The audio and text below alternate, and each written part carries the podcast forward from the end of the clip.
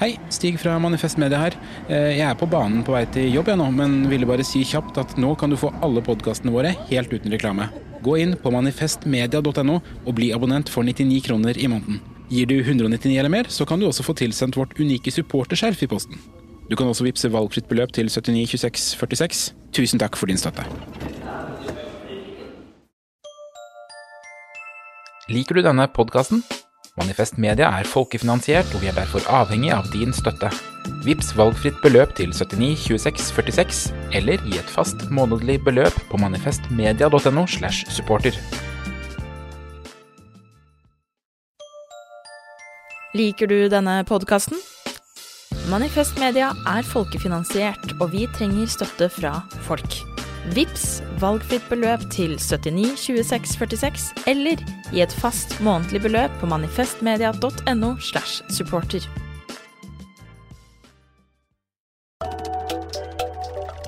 Økotrim med Linn Stalsberg og Kalle Mone. Penger er makt, det veit vi. Eh, Men kunnskap om penger og økonomi er også makt. Og nå skal du som hører på få litt av den makten helt gratis. Velkommen til Økotrim. Her Kalle Mone og jeg, som heter Linn Stalsberg, skal være henholdsvis trener og hjelpetrener når det gjelder å gjøre deg som hører på, både sterkere og raskere i økonomisk kunnskap. For det er jo sånn at eh, økonomi er et maktspråk, og de som har kunnskap om økonomi som fag, kan noen ganger vippe hvem som helst av oss andre av pinnen, enten det er i en politisk debatt, eller om det er privat rundt et middagsbord. Vi kan alle ordet inflasjon etter 2023, men hvor mange av oss vet egentlig hva dette kommer av? Og skjønner vi egentlig hvorfor vi fikk dyrtid i vinteren som var, og hvordan vi kan komme ut av den? For det er jo sånn at eh, økonomi, det er politisk, men valg som tas, som renteøkning f.eks., det påvirker oss alle på vårt mest sårbare og private. Eh, renteøkning kan jo bety at du må vurdere å flytte og selge leiligheten din, og hvis krona er svak, så må du kanskje avlyse ferien du hadde lovt ungene dine. Så det å liksom skjønne hvorfor dette skjer, og kunne stille kritiske spørsmål selv om man ikke er økonom, det er et av målene vi har med denne podkasten. At du skal bli litt bedre trent i å kunne snakke med en økonom og stille en økonom gode spørsmål. Sammen med meg her sitter professor i økonomi, Kalle Mone, som om ikke han skal gjøre oss alle til toppidrettsutøvere, så skal vi i hvert fall bli gode hverdagslige trimmere. Så da setter vi i gang. Hei, Kalle. Hei. Du har jo over 50 års erfaring som økonom. Og da tenker jeg at du har 50 år med mye makt. Føler du selv at du har hatt mye makt i form av å være økonom? Nei, det gjør jeg ikke, men jeg tror eh, økonomi som fag har makt, for det er ikke så lett å få innsyn i det faget, for det kan virke litt komplisert sett utenifra. Og jeg tror at eh, økonomi dreier seg om viktige ting, og ting, folk som har noe å si om viktige ting, kan eh, kanskje få innflytelse, så sånn er det vel. Men eh, sjøl føler jeg ikke at jeg har noe særlig makt. eh, Mm, da skal jeg prøve å sitte her og være jevn- jevnbyrdig med deg, for jeg er sånn som kan føle meg litt sånn liten og dum i møte med folk som kan økonomi. Tåler du at jeg stiller deg litt eh, rare spørsmål i den Ja. neste, neste timen? Ja. Ja, veldig bra. Eh, når ble økonomi egentlig et fag? Altså, hvor kom, hvor kom dette fra? Det kommer fra moralfilosofi, eller fra filosofi generelt. Jeg tror opplysningsfilosofien på 1700-tallet var veldig viktig for økonomi som fag. Men det, det het liksom ikke økonomi, eh, men en, en grunnlegger på 1700-tallet, sånn som Kené, som var en fransk økonomfilosof, økonom-filosof, eh, egentlig utdannet lege, eh, og Adam Smith. Altså, Adam Smith er helt eh, grunnleggende, men han er ikke alene på den tiden. Eh, Men Adam Smith, som altså er vel født i 1723 og døde i 1790 Hans første bok kom i 1759. Eh, andre bok, i, som er Welter Nations, som den som er best kjent, den kom i 1776. Så det er liksom det er slags grunnlaget for, for faget. Men det vil også si kne, og det er også andre økonomer eller filosofer som var forut for eh, fransk revolusjon, og som radikale reformatorer hadde ofte behov for å forstå økonomien sånn som økonomien fungerte. Dette var folk som agiterte for eh, stemmerett til alle, for demokrati, for at en skulle dele mer på inntektene. De hadde behov for å forstå hvordan disse tingene var, og derfor ble studiet av Eh, hva skal jeg si, økonomiske virkeligheten intensivert. Adam Smith er viktigst. Dette er litt interessant, da, for man tenker at økonomi handler om sant, vekst og tjene penger og at folk skal bli rike. ikke sant? Det er sånn man tenker om økonomifaget også.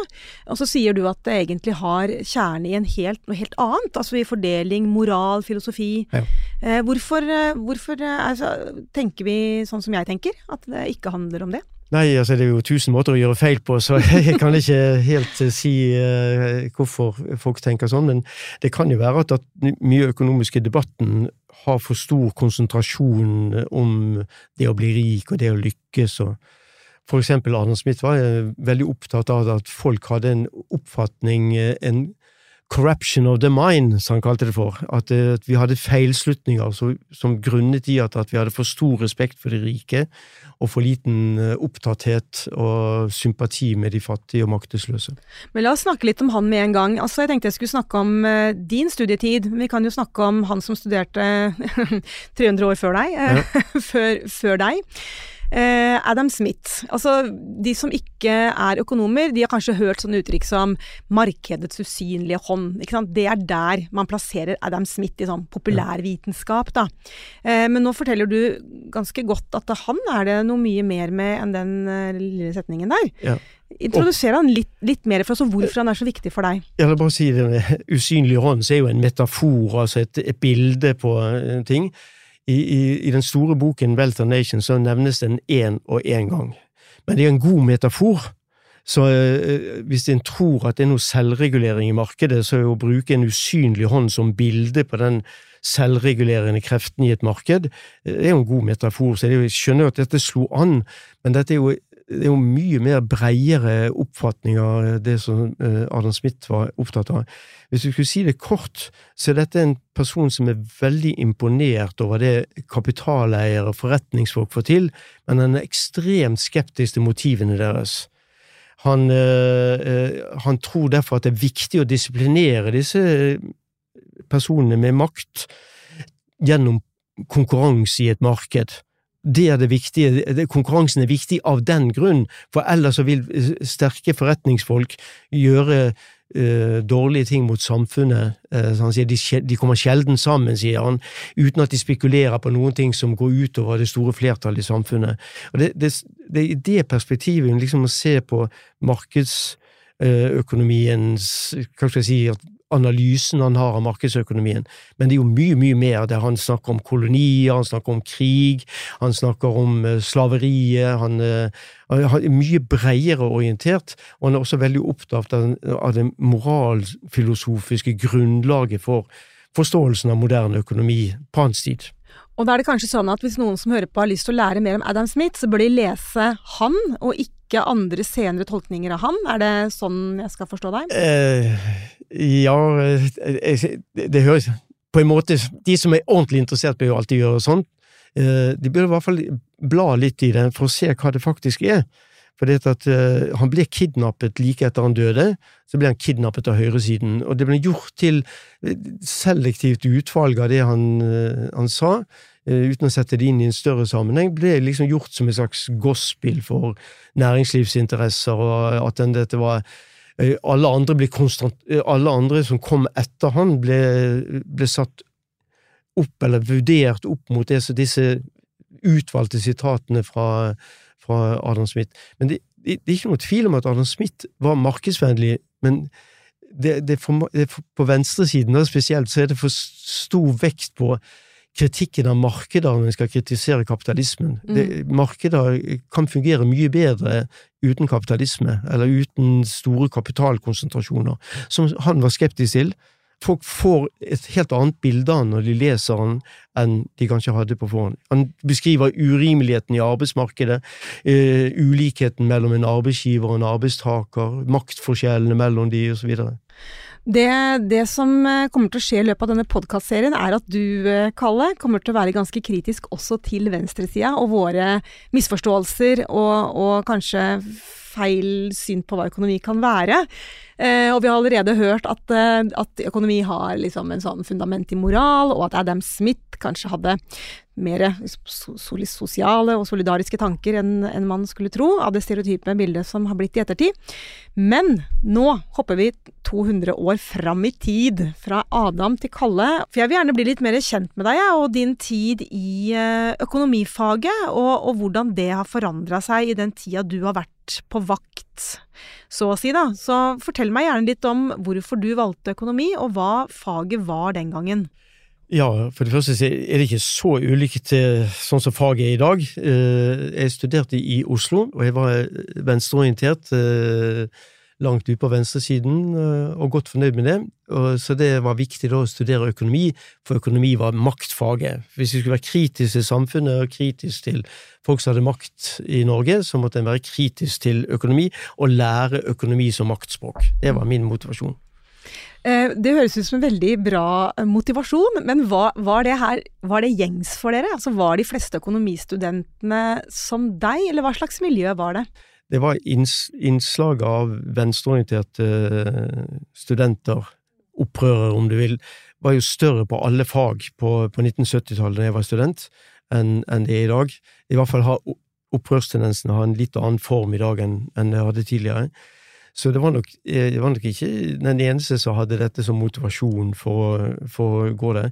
Men det var jo også, vi ble jo veldig gode venner med også mer høyreorienterte studenter som kunne ha sin eh, sine ting de ønsket å kritisere, og, og hadde kanskje et motiv til å lære maktspråk av den grunn. For jeg tror det er riktig å framheve at økonomi var maktspråket kanskje enda mer på 1970-tallet enn i dag, men det har vel ikke blitt så mye reduksjon i, mm. i, det som maktspråk. Men hvis du tenker på at økonomi er et maktspråk, da, at du var der for å kunne kritisere makta, og andre var der kanskje for å bruke den makta, da.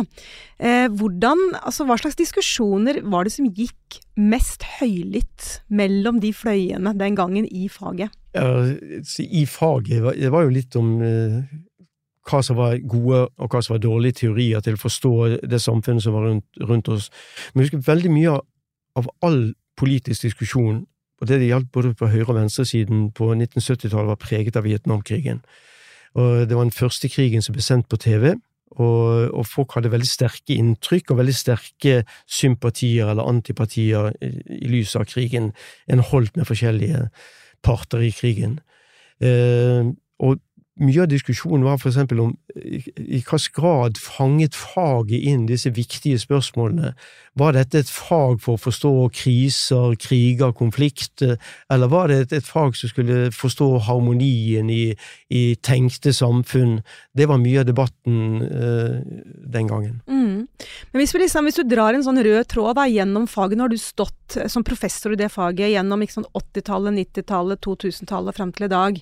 Går det an, altså går det an å si noe generelt om endringer i faget? Altså hva det blir lagt vekt på? Ja. Om det er noen trender eller moter? Hvis jeg skulle være veldig kort, så vil jeg si at, at faget har blitt mer relevant, i hvert fall deler av faget har blitt mer relevant til å forstå de tingene som jeg som student syns var viktige. Og Det gjelder for eksempel konflikter, det gjelder eh, kriser, både kriser i økonomien, sammenhengen mellom politikk og, og, og økonomi, der synes jeg faget er blitt mer relevant.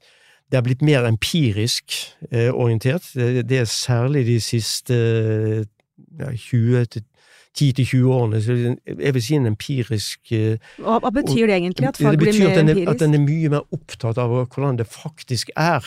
Altså hva Du kan studere abstrakt liksom i, på tegnebrettet hva effekten av det og det måtte være, med argumenter. Men uh, hvis det er empirisk orientert, så betyr det at en, eh, at en tallfester effekten. At når innføring av syketrygd, for eksempel, har den og den effekten på arbeidskraftstilbud, bare for å ta et helt tilfeldig valgt uh, mm. eksempel. Effekten av, av er sånn og sånn på, på uh, inntektsfordeling, eller hva det måtte være. En, og da venter en tall eller en beskrivelse av, av ting sånn som de faktiske utfallene er av dette. Mm. Og en er mye mer opptatt av å forstå om, det, om dette er en, liksom en kausal virkning, eller om det bare liksom ting som er, skjer samtidig, som korrelasjoner kalles det på fint. Mm. Uh, så det vil jeg si. Så jeg vil si mer, mer sosialt orientert er faget, og mer empirisk, etter den definisjonen du sa.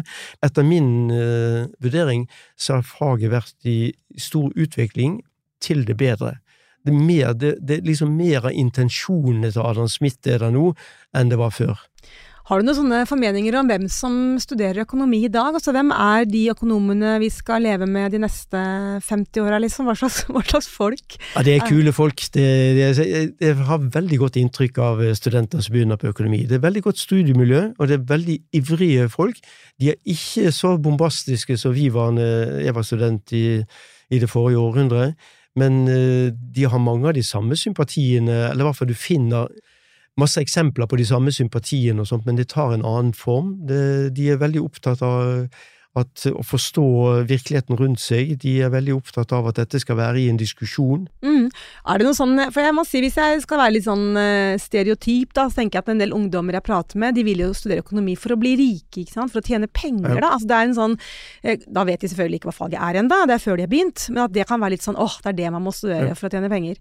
Men er det sånn? Jeg tror ikke det er en ulempe å studere økonomi hvis en har lyst til å bli rik, men det er jo ofte sånn at, at en blir grepet av større ting enn å tjene penger, sånn at en kanskje glemmer den eh, opprinnelige ideen en hadde. Men det er aldri, jeg tror det er aldri en ulempe å forstå ting eh, hvis en skal utnytte det til egen fordel, eller en har lyst til eventuelt å hjelpe andre. Mm. Ja, det er jo det vi driver med denne, i denne podkasten her, er jo å prøve å fordele dette maktspråket litt på flere, ikke sant? Blant annet på meg, og på de som hører på. Eh, et siste spørsmål som, som, ikke er helt uvesentlig i økonomifaget, tenker jeg, er jo klima og natur, ikke sant? Altså ingenting i denne verden kan vi snakke om uten å snakke om det. Nei. Og så hører man sånne ting som men kanskje man må liksom endre hele matrisen, altså alt vi må gjøre må gjøres gjennom et klimaperspektiv. Eh, hvor stor del av faget er, er det hensynet der? Miljøøkonomi er en integrert del av økonomisk teori, og det er folk som er helt spesialiserer seg på dette, både på å studere hvordan en kan eh, mestre miljøutfordringene, eller hva det nå heter på politikerspråk. Eh, det, eh, men det er klart at her kan en ønske seg mer, eh, og en kan ønske seg også en bedre hva skal jeg si, natur faglig tilnærming, at en, at en virkelig forstår naturprosessene eh, gjennom forurensning, global oppvarming osv., for det er vanskelig å lage teorier eller ha ting, ting, som kan anvendes økonomisk på et område hvis en ikke også skjønner eh, prosessen i, i, i, i, naturen. Men jeg vil også si at, at de aller fleste sånn bærekraftsproblemstillinger som dette er et eksempel på, som du nevner, de har også en sosial dimensjon. Så det er jo store utfordringer, sånn som jeg ser det, er å integrere både det sosiale og det naturfaglige i en økonomisk analyse. Ja, der kommer fagbevegelsen inn. Vi håper de hører på. Ja, også ikke bare fagbevegelsen, men jeg vil jo si fattige land. Fattige folk i fattige land. Og det bor jo også veldig mange fattige folk i rike land. Eh, men å ha det perspektivet framme i, i, i den såkalte bærekraftsdiskusjonen, det var opprinnelig, fra starten av bærekraftsbegrepet, så var disse to tingene likeverdige ting, men det ene har liksom forsvunnet litt for mye ut, det, hva skal jeg si, det sosiale perspektivet. Det er ingen jeg har ingen tro på folk som skal redde framtidige generasjoner, hvis de ikke bryr seg om folk som er ille ute i den nåværende mm. generasjonen. Men jeg tenker, Du har jo valgt en rolle som økonom som har vært veldig sånn formidlende. Altså Det er nok av økonomer som sikkert sitter på kontorene sine og holder på med sine ting, og det er vel og bra. Men du har jo vært en stemme i offentligheten så lenge jeg kan huske, og som har ment og synset om økonomi. Eh, hvorfor har du tenkt at det, det var viktig, altså å, å spre faget ditt utover? Jeg vet ikke hvor bevisst det var, men jeg, jeg, jeg syns det var moro. Og så, så, så syns jeg vel det ga en egen tilfredsstillelse. Jeg tenker mer på forskning som trening. At du, du trener, det betyr at du skjerper argumentasjonen og sånn. Du skal inn i tidsskrifter som er vanskelig å komme inn i. Du skal argumentere med andre som har gått like lenge på skole som du sjøl har gjort. Og du må vinne over de for å kunne få forskningen akseptert. Gjennom det så blir du jo forhåpentligvis litt bedre til å argumentere, og det bør jo da brukes i andre sammenhenger, i sammenhenger der folk ikke har gått like lenge på akkurat din skole, iallfall, eller har hatt like god tid til å tenke over disse tingene. Selvfølgelig kan vi ha tatt feil, så derfor er det også en veldig viktig korrektiv til folk som er interessert i forskning, å være steder der det er ulike synspunkter, ulike oppfatninger av samme problem. Mm. Eller måtte svare på enkle og rare spørsmål, sånn som på denne podkasten her. I del to av første episode så hopper vi rett i det som kanskje har vært årets økonomiske snakkis. Og nå, Kalle, kommer en utfordring eh, til deg. Jeg lurer på, eh, inflasjon snakker vi jo mye om, eh, og det kom jo snikende sånn i 2022, og så fikk vi mange konsekvenser etter hvert i år. Men altså, hvorfor, hvorfor skjedde inflasjon i Norge i fjor, og hva, hva, er, hva er, egentlig det fenomenet der? Det er vel naturlig å begynne med det siste. Hva er inflasjon? Der tror jeg folk eh, noen ganger er litt unyansert. Eh, inflasjon er vedvarende prisstigning. Altså det er prisstigning som holder på eh, ene året etter det andre, gjerne over en, en viss periode.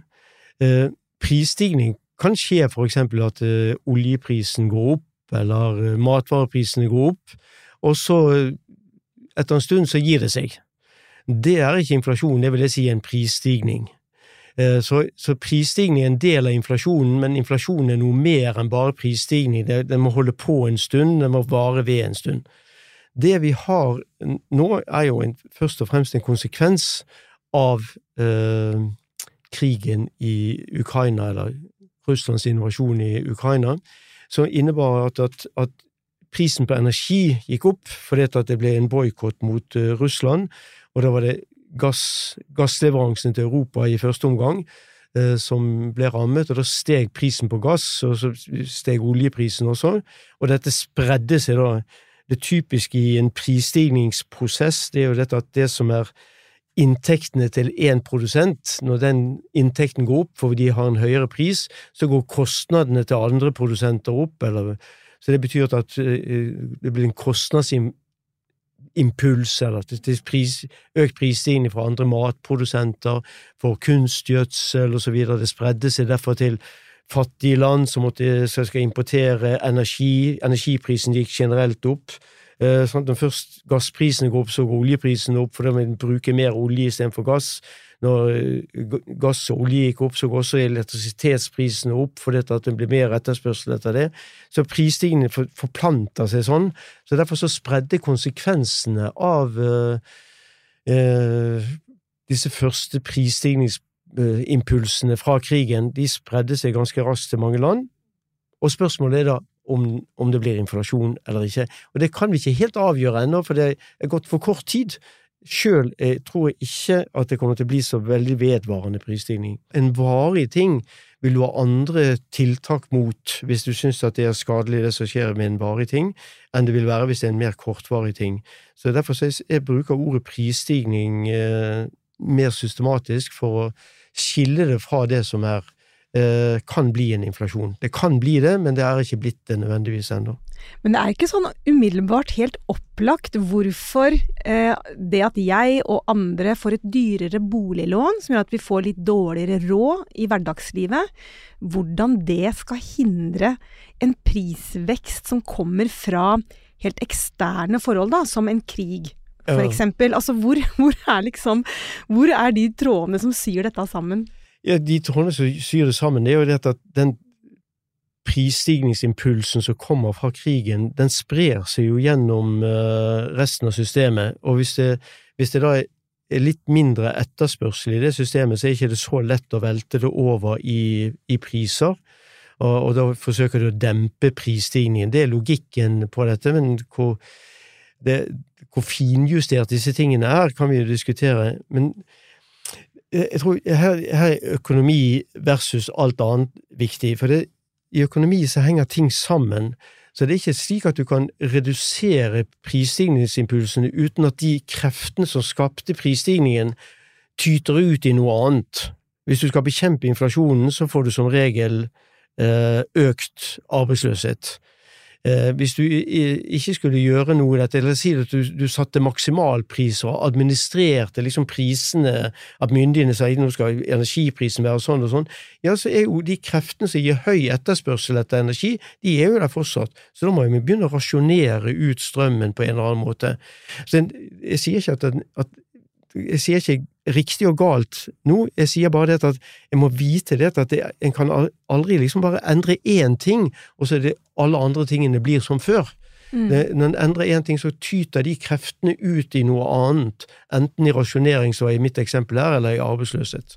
Jeg tror bare det som gjør at folk eh, snakker om dette og er opptatt av det her, er at det virker som denne løsningen, da, at man hever renta for å hindre inflasjon, ikke sant, at det rammer de som har minst fra før. Sant? Altså Hvis du har veldig god råd, f.eks., så har jo ikke renteøkningene noe å si. Du kan fremdeles eh, kjøpe luksusvarer, reise på ferier. Mens de som har dårlig råd, og som får enda dårligere råd, de mm. sliter mm. kanskje med å betale liksom brød og melk. Ikke sant? Altså jeg, eh, er, jeg tror det er vanskelig å begripe liksom, det moralske aspektet i denne løsningen. Ja, og det, det ingen må snakke sånn at, eh, at dette er noe som økonomer som økonomer bestemmer. Dette er liksom noe som er politisk bestemt. Eh, at det skal være At en skal bruke inflasjonsstyring, som det heter på fint, overfor Norges Bank eller overfor sentralbanken. Eh, at sentralbanken har en beskjed fra det politiske miljøet som er vedtatt i parlamentet, at når prisene er over det og det nivået, så skal de prøve å styre etter dette ved å sette opp renten. Det er alltid sånn i alle økonomier, alle samfunn, at styringsteknisk så er det alltid lettest å tyne den lille mann. Og dette, den lille mann er et menneske, ikke et kjønn. Så det, det er kvinner og menn er det styringsteknisk mye lettere å, å styre Eh, mye lettere å kontrollere enn det er for de store kreftene for uh, store selskaper, eller hva det måtte være. På en måte kan jeg si det litt kynisk, at det er også intensjonen med politikken at det er deres etterspørsel skal gå ned. Hvis det var noen andre grupper sin etterspørsel som skulle gå ned, så måtte en jo heve skattene. Eh, dramatisk. Det måtte være det som begrenser etterspørselen eh, på den måten. Mm. Og jeg kan godt, jeg ville sagt det enda mer kynisk enn en, en du sa det i sted. Altså, først får folk økte energipriser, så de knapt kan betale. Så eh, blir det høyere renter og de har, hvis de har boliglån, så er det vanskelig å betjene lånene som før, og nå er det ille ute. Og I tillegg så skal det være så høye renter at aktivitetsnivået i økonomien blir så høyt at det blir arbeidsløshet. Så mister de jobben på toppen av det hele. Det, det, er klart at det er en for høy pris for å kontrollere, en for høy oppofring fra vanlige folk for å kontrollere prisstigningsprosessene. Og det perspektivet vil du lett finne støtte for uh, blant økonomer. Men det, det, det, er ikke økonomene som bestemmer dette, det er politikerne som bestemmer dette. En har laget et system i Norge som er sånn at ingen, ingen politikere tør å drive en veldig ekspansiv politikk, for det, altså det betyr å skape mange nye jobber eller ha høy etterspørsel i økonomien samlet sett, for da stiger prisene. Når prisene stiger, så kommer eh, Norges Bank med høye renter, og så får de politikerne skylden for de høyere rentene. Men de har jo sjøl pålagt seg den, den inflasjonsstyringen her, det, og det, dette gjelder spesielt i et land som Norge, som har mye høyere altså, eh, Andelen av folk som eier sin egen bolig, er mye høyere i Norge enn i alle land jeg ellers kjenner. Den er 85% eller der omkring.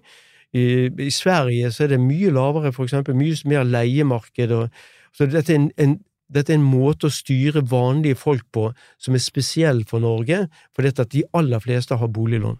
Men dette er jo nettopp det som er litt av denne podkasten sånn, så, så tema, da. At det, eh, det virker som det er en sånn indre logikk som politikere og pengepolitikken driver med sammen, og som gjør at det er utrolig vanskelig å stå på utsiden og si ja, men kunne vi ikke gjort noe helt annet enn å heve renta? Kunne vi ikke skattlagt de rikeste mye mer, eksempel? Altså, eh, hva, hva, hadde du, hvis du kunne hviske Jonas Gahr Støre noe i øret, hvordan han kunne løse dette, hadde du, hadde du sagt hold frem som du stevner, eh, dette er klokt? Uh det vet jeg ikke, men det, det vil ikke være en kort viskelek. Poenget er at det er ikke, det er ikke enkle ting, dette her. Det er, det, det er krefter som er til stede. Eh, så derfor så Det viktigste eh, hva skal jeg si, introduksjonen til et tema som kan komme igjen siden, skjønner jeg. Det er å si at det er veldig, veldig vanskelig å tro at jeg kan bare fjerne én ting. Fjerne problemet med at prisene er høye ved å sette prisene ned. Ja, da blir det noe annet som kommer Mm. eh, istedenfor. Det er også veldig vanskelig å forsøke å få prisene ned ved å få eh, presset som skaper de prisene høye, Mm. bort. Ja, det, som regel blir det arbeidsløshet. Så derfor er det, det, er, det er avveininger i, i disse tingene som ikke økonomene gjør som gruppe, men som politikere gjør. Men da er det jo greit å ha noen å skylde på, som er økonomene. Mm. Men du tenker likevel at, eh, at det som skjer nå, ikke tenker at det ikke er så dramatisk, tross alt? Altså dette kommer til å lande på en eller annen måte for Ja. de fleste av oss? Det tror jeg. Mm. Selv om det høres ikke ment å være kynisk på noen som helst måte, renten er lav i Norge sammenlignet med andre land. Eh, det er litt spesielt at eh, altså du, du får lite for en norsk krone i, eh, når du reiser til utlandet. En grunn til at du får lite for en norsk krone i utlandet, det er at det er få som som etterspør norske kroner, som har lyst til å spekulere i å plassere pengene sine i, i, i Norge, og det betyr at valutakursen er lav. Eh, Men det er jo veldig fordel for eksportbedriftene. Eksportbedriftene får jo veldig mange norske kroner for den samme prisen i utlandet. Eh, Men du hører aldri at, det er Du hører alltid bare problemene ved, eh, ved en svak krone, som det ofte heter. Men altså, altså, norske eksportbedrifter går så det suser. Laksenæringen går enormt godt, for eksempel, fordi at de selger jo så å si bare i utenlandske markeder. Men dette forsterker jo nettopp det som jeg tror er vanskelig for mange å akseptere, all den tid vi også har en regjering som har gått til valg under vanlige folks tur, ikke sant? At de store, sånn som laksemilliardærene da, som det jo finnes noen Mm. av, tjener enda mer penger, eh, samtidig som folk i den andre enden av skalaen, og særlig folk på arbeidsavklaringspenger eller som er syke eller uføre, Mm. får en mye tøffere hverdag. Og det er nettopp det, det spriket som jeg tror vi har kjent på i større grad enn før de siste par åra, da. Og vi hadde jo liksom pandemien rett før det. Det var jo også en ulikhetsmaskin, ikke sant? Ehm, så, så derfor så tenker jeg at det, det med at vi eh, må, vi må forstå mer hva som skjer, dersom vi også ønsker å endre, eh, endre dette her, da. Det tror jeg er helt riktig. Og det, jeg tror det også er riktig å skjønne La oss si, la oss si at renten var veldig lav. Hvem ville tjene aller mest på at renten var veldig lav? Ja, det vil jo være folk som har mye penger fra før.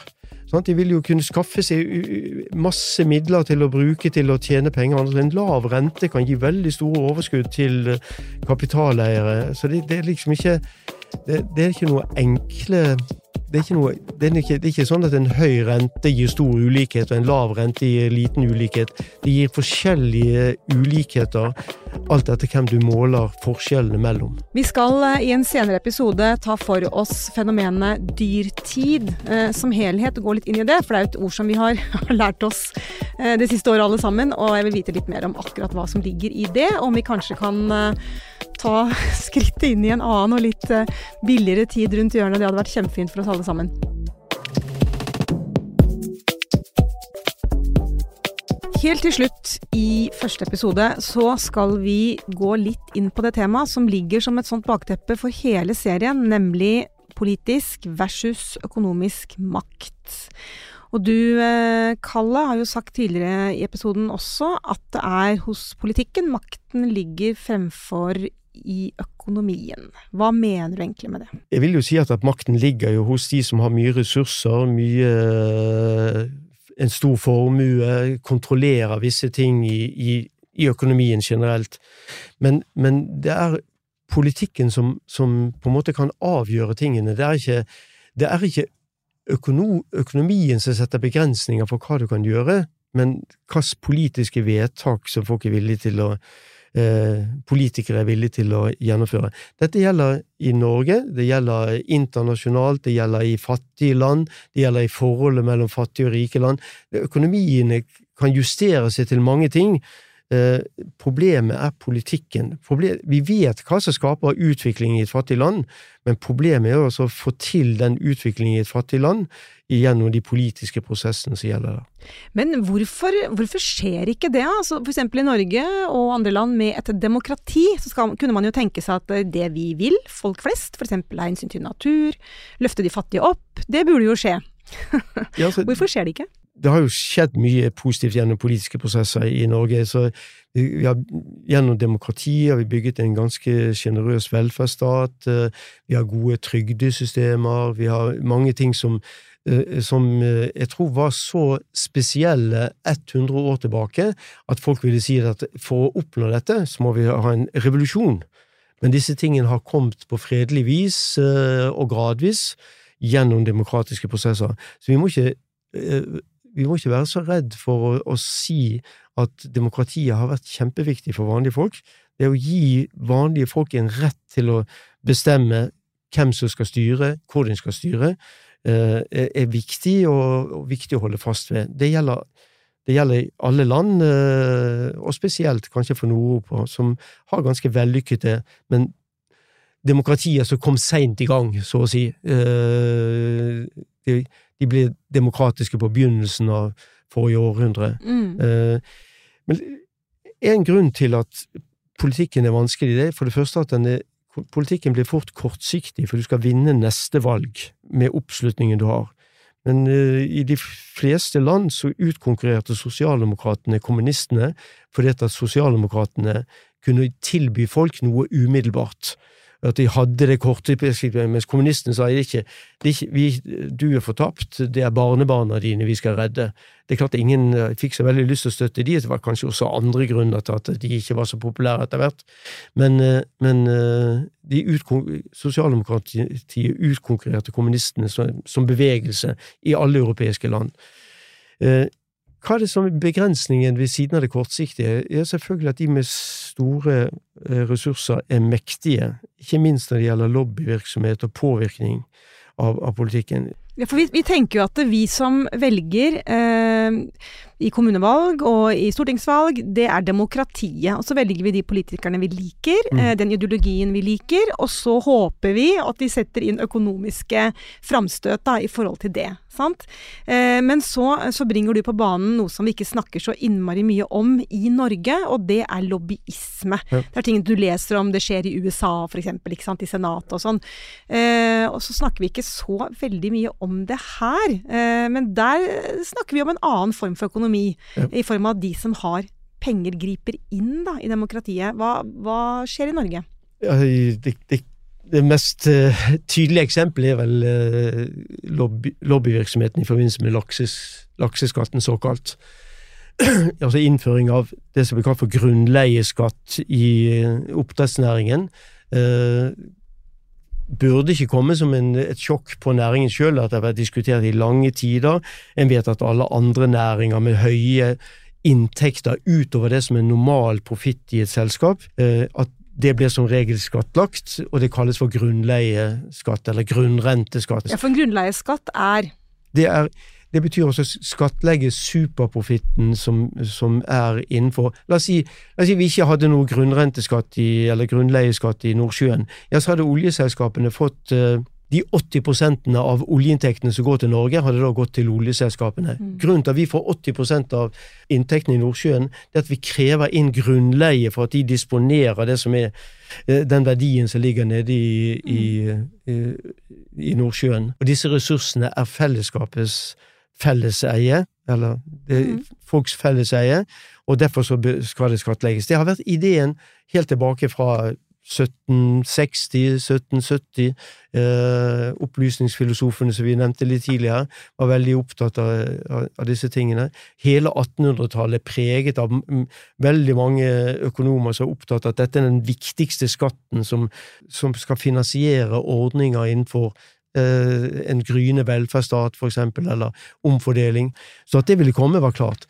Men de var også veldig klare til å drive lobbyvirksomhet eh, mot dette, og her fikk de De fikk jo framstilt saken. Det burde innføres en pris for eh, eh, altså, Verdensskapet i lobbyisme, iallfall norgesmesterskapet i lobbyisme, ble vunnet av oppdrettsnæringen. Mm. Altså, dette var ekstremt vellykket propaganda der en, en, fikk med seg kystbefolkningen som om kystbefolkningens skjebne avhang av at de som eier disse selskapene skulle ha store overskudd, ekstraordinære store overskudd, og ikke kunne betale den eh, grunnleien som er, er, liksom betalingen for å bruke fellesskapets ressurser, fjordene. Mm. Eh, der vant de fram. Og det er klart at Når du får framstilt saken på en sånn måte at dette er noe som hele kystbefolkningen taper på, ja, så må du justere politikken for å vinne neste valg. For da har de endret, de har endret det som er, er folks syn på mm. saken. Så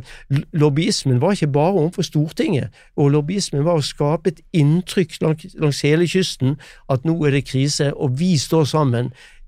Folk som har så lite til felles som de superstore eierne i oppdrettsnæringen og vanlige folk mm. på de stedene der eh, oppdrettet foregår. Så du spurte er dette en enighet innenfor eh, økonomifaget. Dette, dette tror jeg er en av de få, få sakene der det er veldig høyt innslag av enighet mellom økonomer, uavhengig av politisk ståsted. Da er det jo veldig interessant da, at disse lakseeierne selv eh, går på kollisjonskurs med en slags stor konsensus innenfor et fag som de ofte selv eh, skryter av å kunne veldig godt. Altså at de er gode på økonomi, derfor har de fått til denne bedriften f.eks. Så det de driver med er ideologi, da, og ikke sunn økonomisk det, fornuft. Jeg vil, jeg vil, kalle det for en blanding av ideologi og uh, egeninteresse. egeninteresse er en, en, sterk uh, drivkraft, tror jeg, i, og det skal det antakeligvis være, i, i næringsvirksomheter dette slaget her. Så en, en, en, må, bare ta hensyn til at sånn er det. En har en egeninteresse i å framstille saken på en sånn måte at, at denne skatten er utålelig, at denne skatten er, er uh, umulig å bære, den vil ha dramatiske konsekvenser, uh, som en alltid sier. Nå skal det, er det investeringsstopp. Men bare vent til det kommer uh, nye og svært lønnsomme ting. For eksempel nå med den svake kronen, så er det jo oppdrettsnæringen går jo så det suser. Uh, og det er, en ny ekstraprofitt på grunn av uh, den lave kronekursen. Prisen på, på laks i Frankrike er, er, gitt, men nå får de mange flere kroner for, disse, for dette mm. kronekursen. Men jeg kjenner at jeg skulle ønske, når den debatten pågikk om grunnleieskatt er det du kalte det, ikke sant? Eh, at det kanskje hadde vært flere økonomer da, som hadde vært litt frem, sånn mm. fremoverlent og sagt liksom, hva er det dere driver med egentlig? Altså, Vi vet jo alle i faget vårt mm. at dette er den mest fornuftige skatten som fins. Eh, hør, hør, på oss, alle mm. borgere i landet. Her er det milliardæren i strikkejakke ja. på Dagsrevyen som tar feil. Eh, var det nok eh, stemmer, syns du, som, som, opplyste oss om det? Eh, det er vanskelig å avgjøre. På en måte vant jo saken fram til slutt, selv om det ble en justert uh, skattesats uh, ble senket for, for, et, for, et, kompromiss i Stortinget uh, om dette. Du kan si at prinsippet vant fram, men, men kanskje ambisjonen, skatt, skattenivået, er kanskje litt lavt. Jeg tror at eh, både pandemien og det som har skjedd etterpå, med krigen som kom rett etter liksom det sekundet pandemien var slutt, så fikk vi en krig i fanget. Det har jo vært noen spesielle år. Men det er jo nettopp de der kontrastene mellom at mange vanlige folk, og da spesielt folk som er Eh, har til, tilhørighet eh, til Nav-systemet på en eller annen måte, og liksom mot de enorme inntektene som Norge drar inn på den andre siden, og mm. at de rike da som rike kapitaleiere også sitter igjen, liksom sitter godt i det tross både pandemi og krig. At det, vi er blitt mer bevisste, tror jeg, da. Eh, de usammenhengene eh, mellom det, og så mm. skjønner vi ikke helt hvordan dette kan foregå parallelt. Nei, og det er, er jo fint å stille spørsmålet. Jeg vil utvide perspektivet til å være internasjonalt. For det, det er internasjonalt. Disse energiprisene har et internasjonalt perspektiv som er veldig viktig. Og det må ikke være sånn i, i debatten i Norge at moralen stopper ved uh, grensene for nasjonen. Det, moralske forpliktelser, det gjelder hele verden.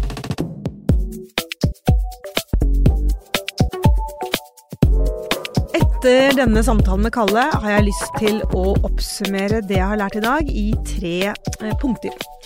Punkt én. Inflasjon er komplekst og vanskelig.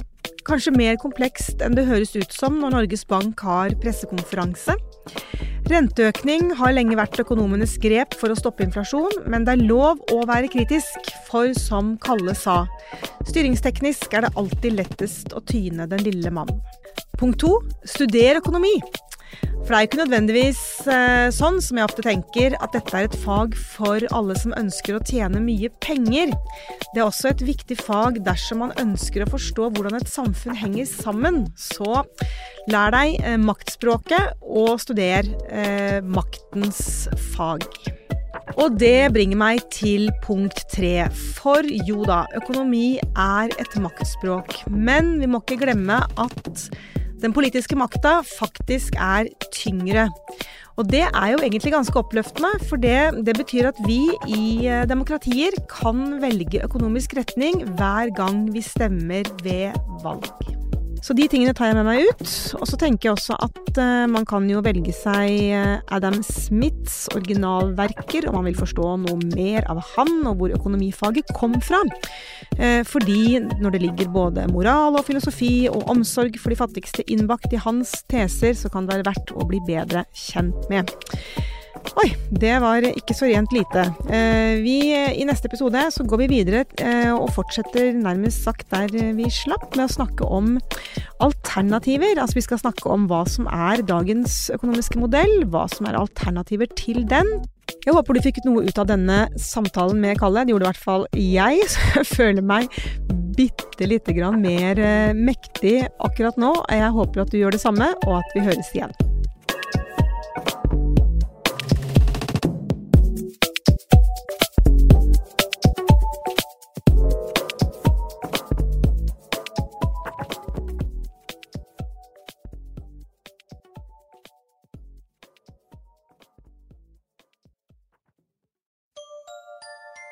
Likte du denne podkasten?